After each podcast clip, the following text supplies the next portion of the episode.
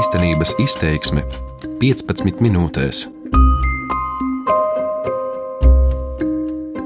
Labrīt, kolēģi! Aicinu ieņemt vietas saimnes sēžu zālē. Pirms dažām stundām sākās aizejošās 12. saimas pēdējā sēde. Šo četru gadu laikā līdz šim rītam saimas deputāti kārtējās ārkārtas un svinīgajās sēdēs aizvadījuši gandrīz 548 stundas.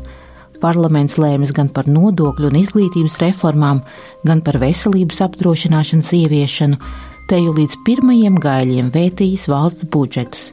Tomēr nereti vislielākās kaislības uzjundījuši pavisam citi, reizēm šķietami sadzīviski jautājumi. Tieši to apspriešana ļauj argumentācijas prasmē pavingrināties arī tiem deputātiem, kas citkārt saimas tribīnē kāpj reti. Šajā raidījumā īstenības izteiksme es, Madara Friedrichsone, atgādināšu par vairākām plašas politiskās diskusijas un kaismīgas vārdu kaujas raisījušām epizodēm 12. sējumā. Likumība šajā vārdā šķiet ik viens ieliek savu jēgu. Kādu tieši? Šī jautājuma apspriešanai 12. sēmas deputāti dedzīgi pievērsās pēc tam, kad aizbildinoties ar satrauktu vecāku lūgumiem, no saskaņas ievēlētā deputāta Jūlijas Stepaņenko 2015. gadā nāca klajā ar ierosinājumu papildināt izglītības likumu ar tā dēvētajiem tīkumības grozījumiem. Vārds deputātei Julijai Stepaņenko. Audzināšana paliek atklāts lauks, kurā valsts izglītības sistēmai nepiedarošas personas vai organizācijas var piedāvāt savu redzējumu un gatavās metodas. Spēles ar bērnu apziņu, manas piedāvāto grozījumu abas daļas tradicionāla audzināšanas virziena saglabāšana, kas ir minēta pirmajā teikumā, un bērnu pasargāšana no likumību graujošiem materiāliem, kas ir otrajā teikumā, ir vērtējums kā vienots mehānisms kuras abas daļas ir nesagraujami saistītas un papildina viens otru. Šis piedāvājums izraisīja vētrainas diskusijas, kurās piesaukts tika gan Immanuels Kants un kategoriskais imperatīvs, gan citēts Mahatma Gandijs – Dažs deputāts iejutās literatūras kritiķa lomā. Nākamais debatēs deputāts Kārlis Seržants. Nu, es šo grāmatu ieinteresēts paņēmu, lai palasītu visu. Nu, es, es, es vienkārši nesaprotu, kāpēc tai meitenei 14 gadu vecumā ir jārunā, es nezinu, nam pārvaldes santehniķa valodā. Un es nevienu iemeslu nevarēju saprast, kāpēc šajā grāmatā, kā šie lamu vārdi tur pa, pa, pastiprina kaut kādu māksliniecisko vērtību vai, vai emocionālo darbību. Nu, protams, ka tā nav skolas grāmata, bet nu, skolas bibliotekās šī grāmata ir atrodama. Tieši debatēs par likumības jēdzienu deputāti spilgti demonstrēja, cik atšķirīgu saturu katrs tajā ieliek. Likumības jēdziens tiek reducēts līdz seksam un vienzīmumu attiecībām. Mūsdienu izplūdušajā vērtību traktējumā, kad katra organizācija pēļņas nolūkos ar projektu un cita veida reklāmu palīdzību mēģina pārveidot gadsimtiem ilgi veidojušos un nostiprinājušos vērtību izpratni, ir jāizbeidz darba tikuma un godprāta mētiecīga iznīdēšana no Latvijas iedzīvotāju vērtības sistēmas. Savās domās par tikumu pagriemšanu ar saviem kolēģiem deputātiem un ikvienu, kam jebkad ienāks prātā lasīt saimas stenogrammas, dalījās tobrīd frakciju no sirds Latvijai pārstāvošais Ārvīts Plātpers. Vien daži deputāti, vistiešāk Igors Pimenos no saskaņas spēja atzīt, ka patiesībā izglītības likums ir kļuvis par cīņas lauku starp konservatīvu, tradicionālu vērtību un liberālāku vērtību piekritējiem. Manuprāt, ir vēl svarīgāk saprāt homofobijas cēloni. Droši vien tas ir pretigums, ko izjūt heteroseksuālis, mēģinot pieliekot homoseksualitāti sev. Tas rada stipru vēlmi ierobežot savas un savu bērnu iespējamo saskarsmi ar gejiem un lesbietiem, rada un uztur aizspriedumus. Konkrēti, pieņēmumu, ka ar dzimumu tieksmi pret sava dzimuma personām var inficēties kā ar vīrusu, ka to var iedvest. Likumības likuma normas izglītības likumā iekļauts jau vairāk nekā trīs gadus, un visi līdzšinējie dažādu nevalstisko organizāciju centieni panākt to pārskatīšanu līdz šim nav raduši dzirdīgas ausis. Nu jau aizejušās saimas deputātu uzmanības lokā šo gadu laikā nonākusi ne tikai skolēnu likumiskā audzināšana, bet arī pieaugušo cilvēku vidū esošie grādīgo dzērienu lietošanas paradumi. Nu jau kādu laiku no veikalu plauktiem pazudušas lielās plastmasas pudeles ar alu. Vārds deputātam Jānim Klaužam. Alu vīriešiem nevajag dzert, jo no alus aug dibeni, vēderi un krūtis. Un krūtis tās nav atletiskās, kultūristē, jeb cilvēki, kurš trenažieru zālē iegūst krūšu formu, bet gan alus krūtis. Nu, tas tā, lai jūs atslābinātu un lai tie, kas dzer alu, saprot, kādas sekas var būt. Protams, patiesais rūpju iemesls, kura dēļ pirms dažiem gadiem tapa alkoholisko dzērienu aprites grozījumi, bija nevis Latvijas vīriešu ķermeņa daile, bet gan iedzīvotāju pārmērīga aizraušanās ar alkoholu lietošanu. Tātad mērķis bija ierobežot tātad lēto, nu, surrogātu alkoholu izstrādājumu, kas reizēm saucās bamšļu alus, tirdzniecību lielajos iepakojumos. Lielo iepakojumu līdz ar to saprotot, nu, lielos iepakojumus, 2 litru, 1,5 litru iepakojumu, tātad virs litra.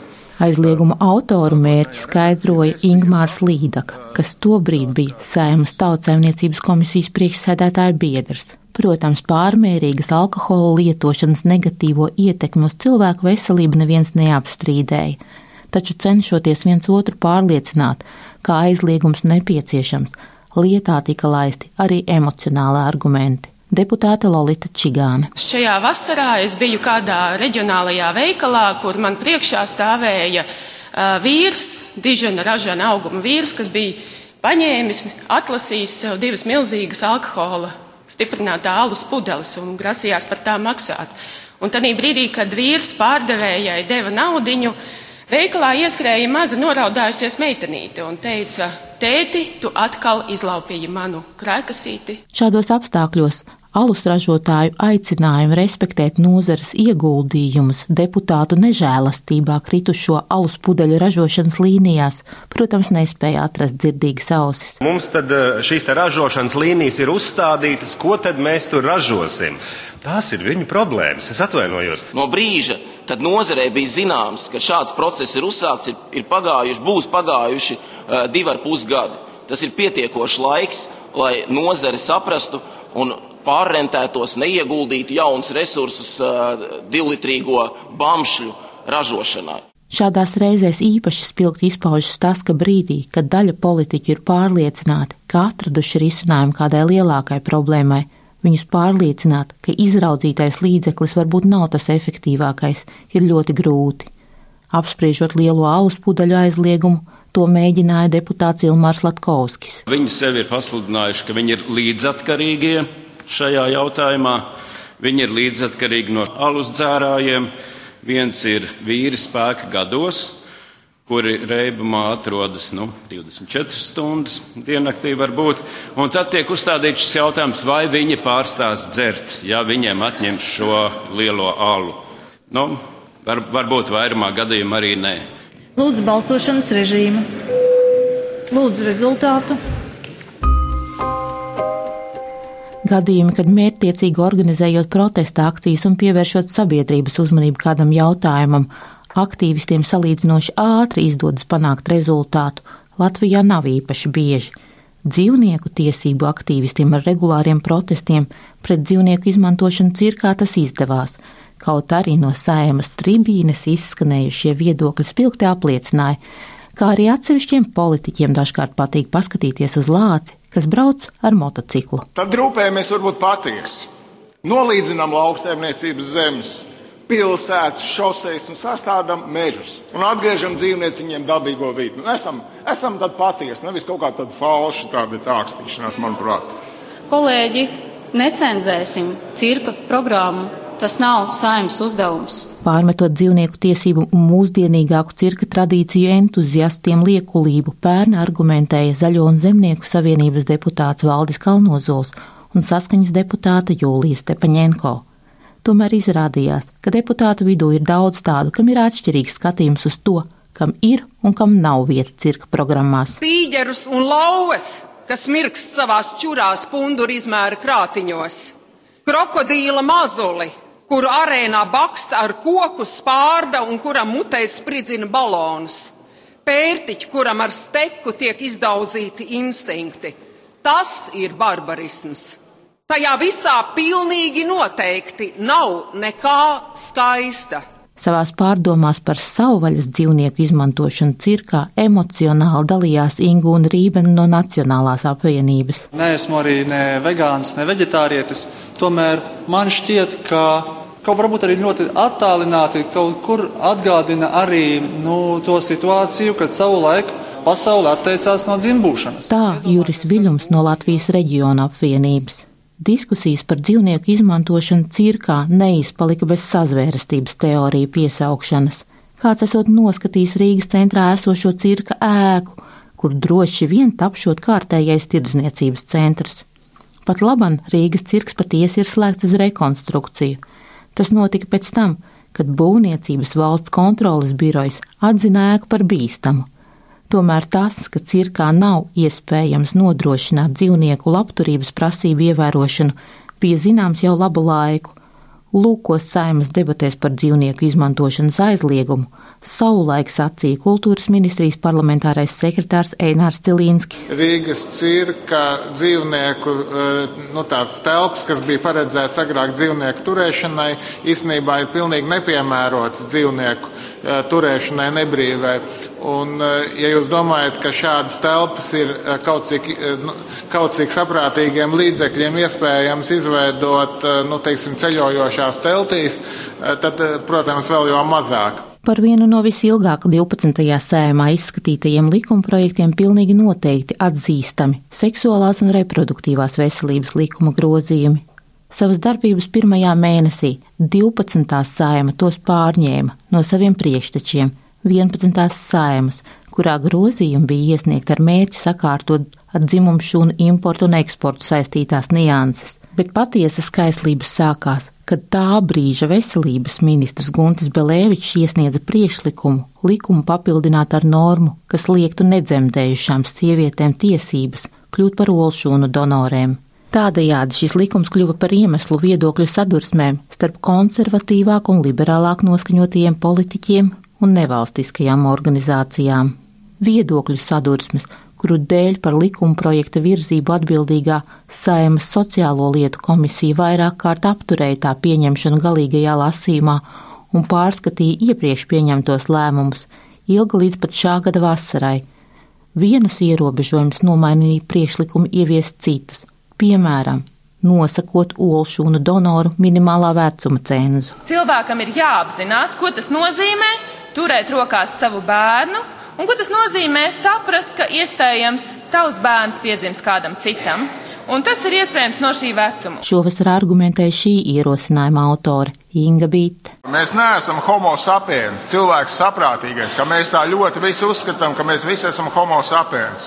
Labi, ja 10 līdz 20% no mūsu rīcības ir pamatojās uz mūsu pašu pieņemtiem lēmumiem. Pārējais ir refleks, instinkti, bērnības traumas, sabiedriska apziņu motori. Vienīgais, ko pret šādiem ierobežojumu atbalstītāju valda Kalnozola argumentiem varēja likt pretī pretēju viedokļu paudēji, bija pārliecība, ka Latvijas sievietes ir gana saprātīgas, lai pašas pieņemtu lēmumus par savu ķermeni. Nē, nē, tagad tikai mēs runājam par sieviešu nespēju šeit izlemt par to, ko darīt vai nedarīt. Ja?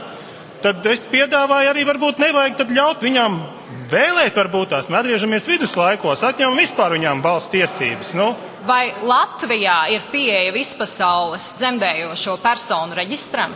Vai mēs šīs sievietes pasē ar zīmogu nozīmogosim kā dzemdējušas vai nedzemdējušas? Čiposim, tetovēsim, ko jūs vēlaties no Latvijas pilngadīgām personām, kuras pieņem lēmumu Starp citu, šo tā dēvēto olšūnu karu rezultātā tapušā lēmuma par dzimumu šūnu donoru reģistra ieviešanu kontroli paliek jaunās saimas ziņā, jo informācijas apmaiņu starp reproduktīvās veselības iestādēm e-veselības sistēmā plānots sākt tikai nākamgad.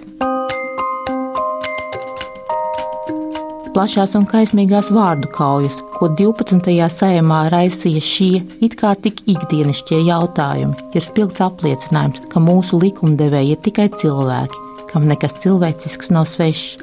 Bērnu audzināšana, dzīvnieki cirkā vai pārmērīgas alkohola lietošanas postošā ietekme uz daudzu līdzcilvēku ikdienu, viņiem nereti ir tuvākas un saprotamākas tēmas par starpvalstu tirdzniecības līgumiem, starptautiskām konvencijām, nodokļu piemērošanas niansēm vai saistību tiesībām.